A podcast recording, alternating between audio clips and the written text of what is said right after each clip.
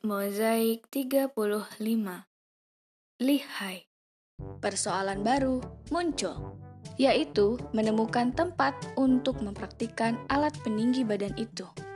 Aku tak mungkin melakukannya di rumah karena rumah kami hanyalah rumah panggung kuno Melayu. Seluruhnya dari kayu dan telah berumur hampir 150 tahun. Jika angin kencang, penghuninya gugup. Sedangkan alat itu harus digantungkan pada palang yang teguh. Dan meski pendek, kurang satu jinjit, tubuhku tidaklah ringan. Seumpama ku praktikan di rumah, bisa-bisa rumah kami ambruk. Selain itu, pasti ketahuan ibu karena ia adalah ibu rumah tangga full time. Tak pernah ke mana-mana selain belanja sayur ke pasar atau ke masjid. Di masjid takut ketahuan guru ngaji, lagi pula tidak etis. Di belakang rumah ada pohon kamboja tua yang dahannya cukup kuat dan letaknya tersembunyi. Namun, seorang pria tergantung di dahan pohon kamboja kuburan tak elok nian tampaknya. Pening aku mencari tempat untuk alat itu, sampai berkeliling-keliling kampung. Namun, beruntung ketika melewati jembatan Linggang, kutemukan tempat yang sangat pas. Tempat itu adalah gudang-gudang tua bekas instalasi pencucian timah, persis di pinggir sungai Linggang. Sejak maskapai timah gulung tikar, bangunan itu diabaikan. Dindingnya seng tebal dan rangkanya besi. Di belakangnya ada halaman luas yang dulu merupakan tempat parkir. Tempat itu sangat sepi, jarang didatangi orang. Hanya M. Nur yang sesekali melatih burung merpati di lapangan tadi, atau pendulang timah mencari timah di pinggir sungai. Minggu sore, waktu yang telah kupilih dengan teliti. Dengan semangat menggebu dan ribuan harapan yang manis, kudatangi gudang-gudang kosong itu. Mulanya, aku berpura-pura duduk di sebuah bangku di depan sebuah gudang dengan sikap seolah tak sedang ingin melakukan apa pun. Hanya duduk malas saja di situ untuk menghabiskan waktu. Aku mengecek kiri kanan. Yang ada hanya riak halus sungai Linggang, teriakan burung-burung camar yang berputar-putar di atas dermaga, dan anjing-anjing pasar yang menguap dan sesekali bertengkar. Agar lebih meyakinkan seperti anjing-anjing pasar itu, aku juga menguap-nguap. Sebenarnya, dadaku bergemuruh. Setelah yakin, aku berlari mengendap-endap menuju pintu gudang sambil membopong tas besar berisi kostum orto ceria itu. Pelan-pelan, kubuka pintunya yang tinggi, berderit-derit. Gudang itu besar. Di sudutnya bertumpuk-tumpuk benda usang, tong, meja, dan bangku-bangku yang berdebu. Di dindingnya masih ada papan tulis jadwal shift kerja kulit tambang. Langit-langitnya dipenuhi sarang burung layang-layang. Di tengah gudang melintang palang besi penyangga plafon. Kutarik sebuah meja ke bawah palang itu dan kuletakkan bangku di atasnya.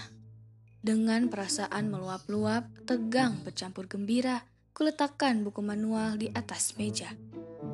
Ku keluarkan kostum dari tasnya dan mulai ku ikuti 12 langkah cara menggunakannya. Bagian mula cukup sulit, yaitu menyambungkan tabung oksigen dengan selang melalui sebuah derat yang dikuatkan dengan mur. Tapi aku sukses. Tak lama kemudian, tali temali yang runyam dan centang perenang telah mengikat sekujur tubuhku, mulai dari mata kaki sampai ke leher. Korset dan cawat Superman pun telah terpasang dengan ketat dan mantap, mendebarkan.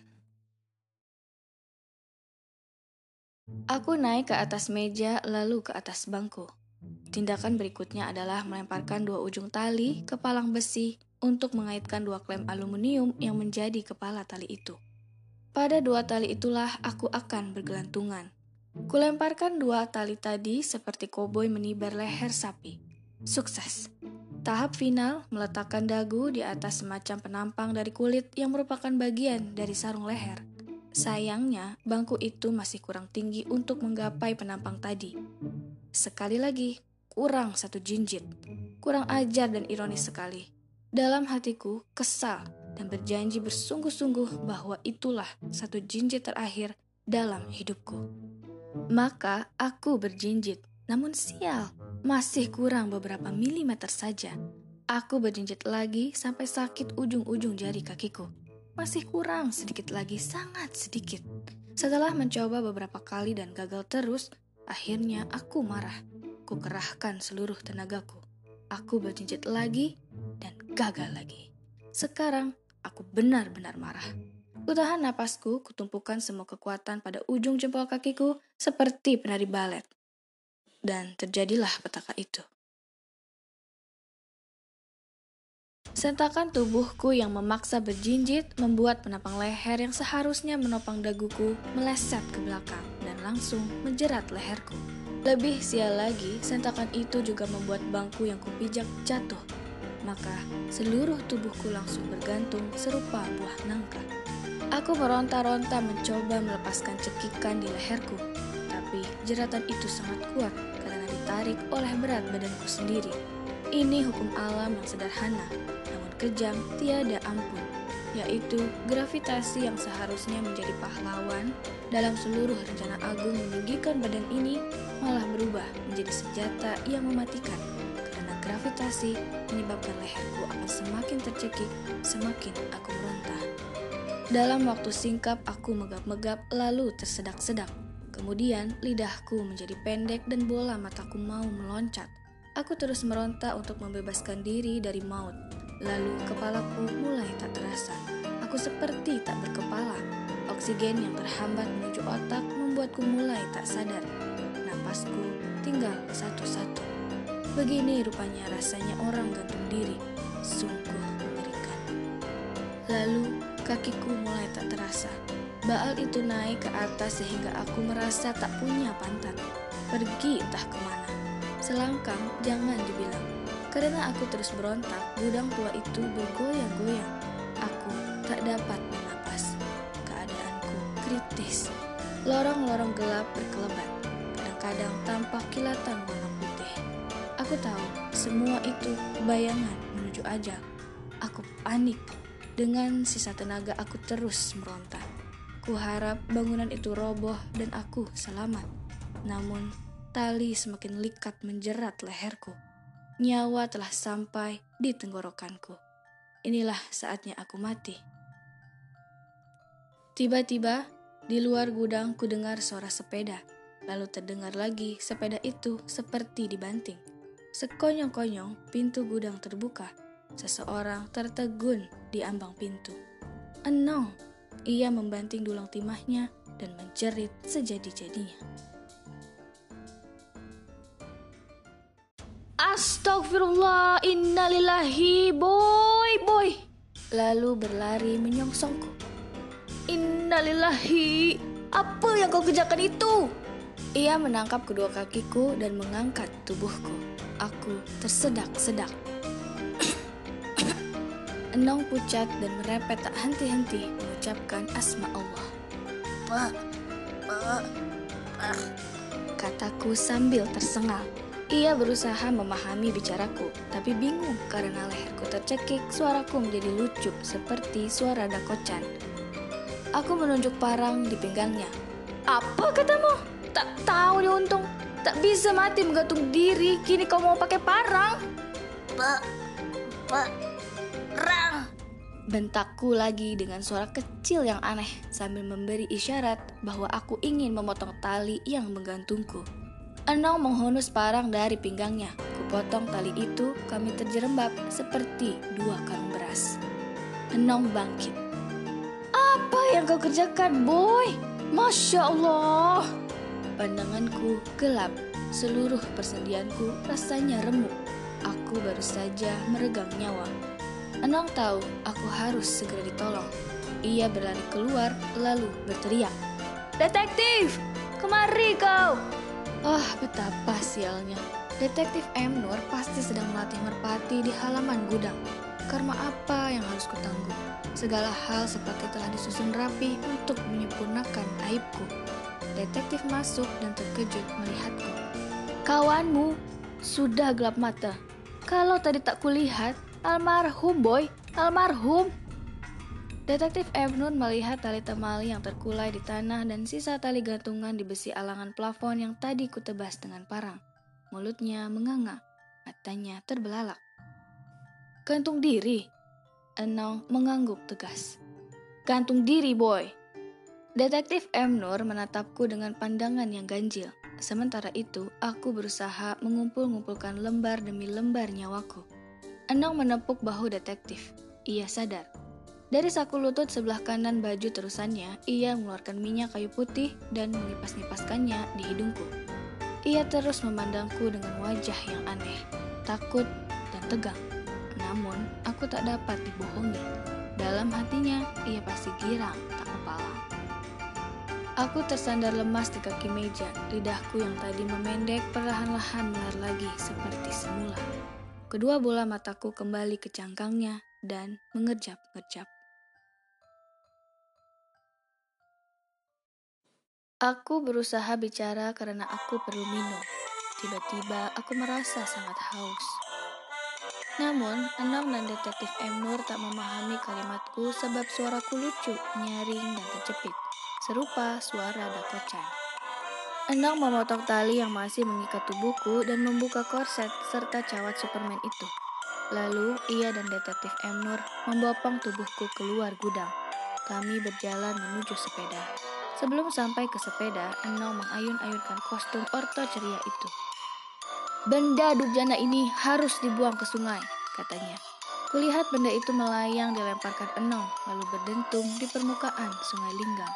Kostum itu timbul tenggelam dan ombang-ambing dibawa arus ke Muara menuju Jakarta kembali ke tempat asal muasalnya. Detektif M. Nur mengambil sepedanya. Katanya aku harus segera dibawa ke puskesmas. Aku tak mampu lagi berpendapat. Mereka mengangkatku dan memasukkanku ke dalam keranjang pempang di boncengan sepeda itu. Aku tak berdaya seperti seonggok daging kurban saja. Detektif M. Nur menuntun sepeda. Enong memegangiku sambil mendorong sepeda. Puji-pujiannya pada Allah berderet-deret.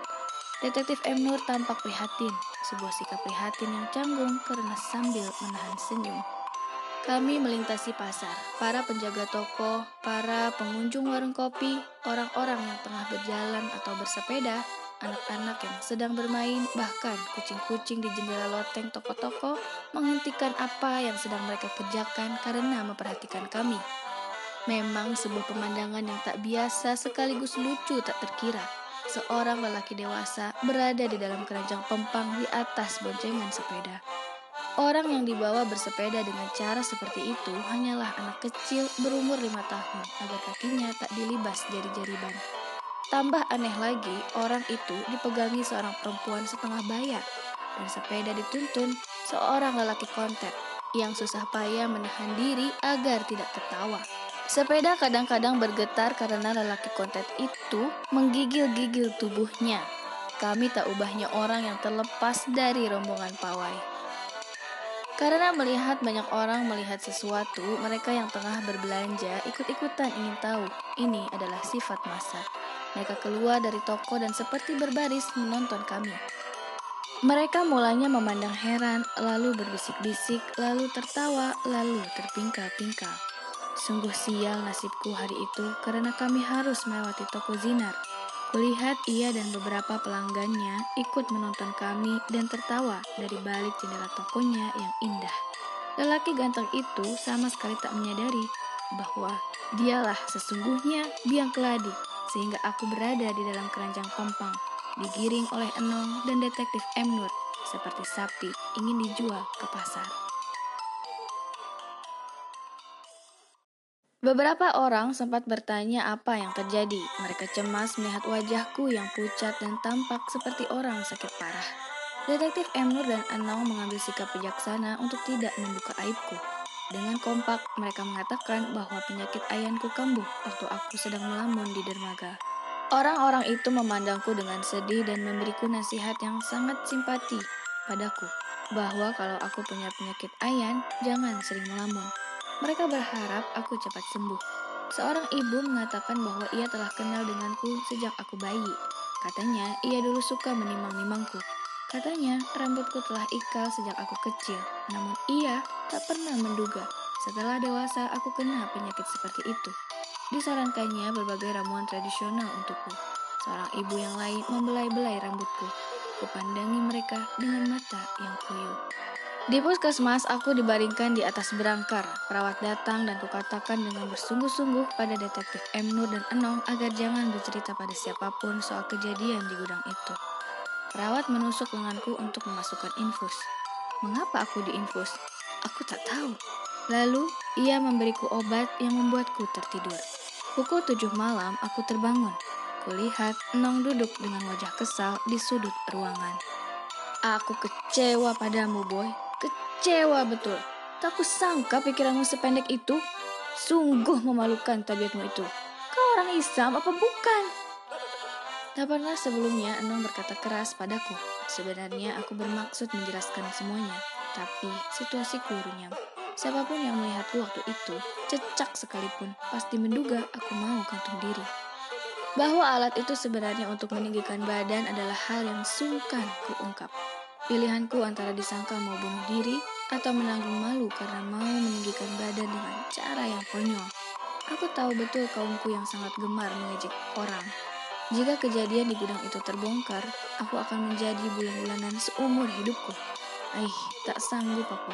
Maka kupilih diam saja. Kau tahu, sampai pendek nafasku karena terkejut melihat kelakuanmu itu. Gusti Allah yang Maha Tahu mengapa ironi tak kunjung luntur dari hidupku. Aku hampir tewas karena bosan menjadi orang pendek dan dalam waktu kurang dari semenit enam telah dua kali menyebut kata pendek. Panjang pendeknya hidup manusia berada di tangan Allah, boy. Kau tak boleh seenaknya saja mengambil alih tugas dan wewenang malaikat maut. Tiga kali. Tugas dan wewenangmu adalah hidup, terus hidup, berjuang untuk hidup, Masya Allah boy, hanya karena cinta kau sampai gelap mata. Perempuan di dunia ini tak hanya Aling. Enong makin bersemangat memarahiku, tapi tertunda karena seorang perawat masuk. Perawat itu mengatakan mau mengganti infusku karena selangnya terlalu pendek, sehingga aku susah bergerak. Empat kali.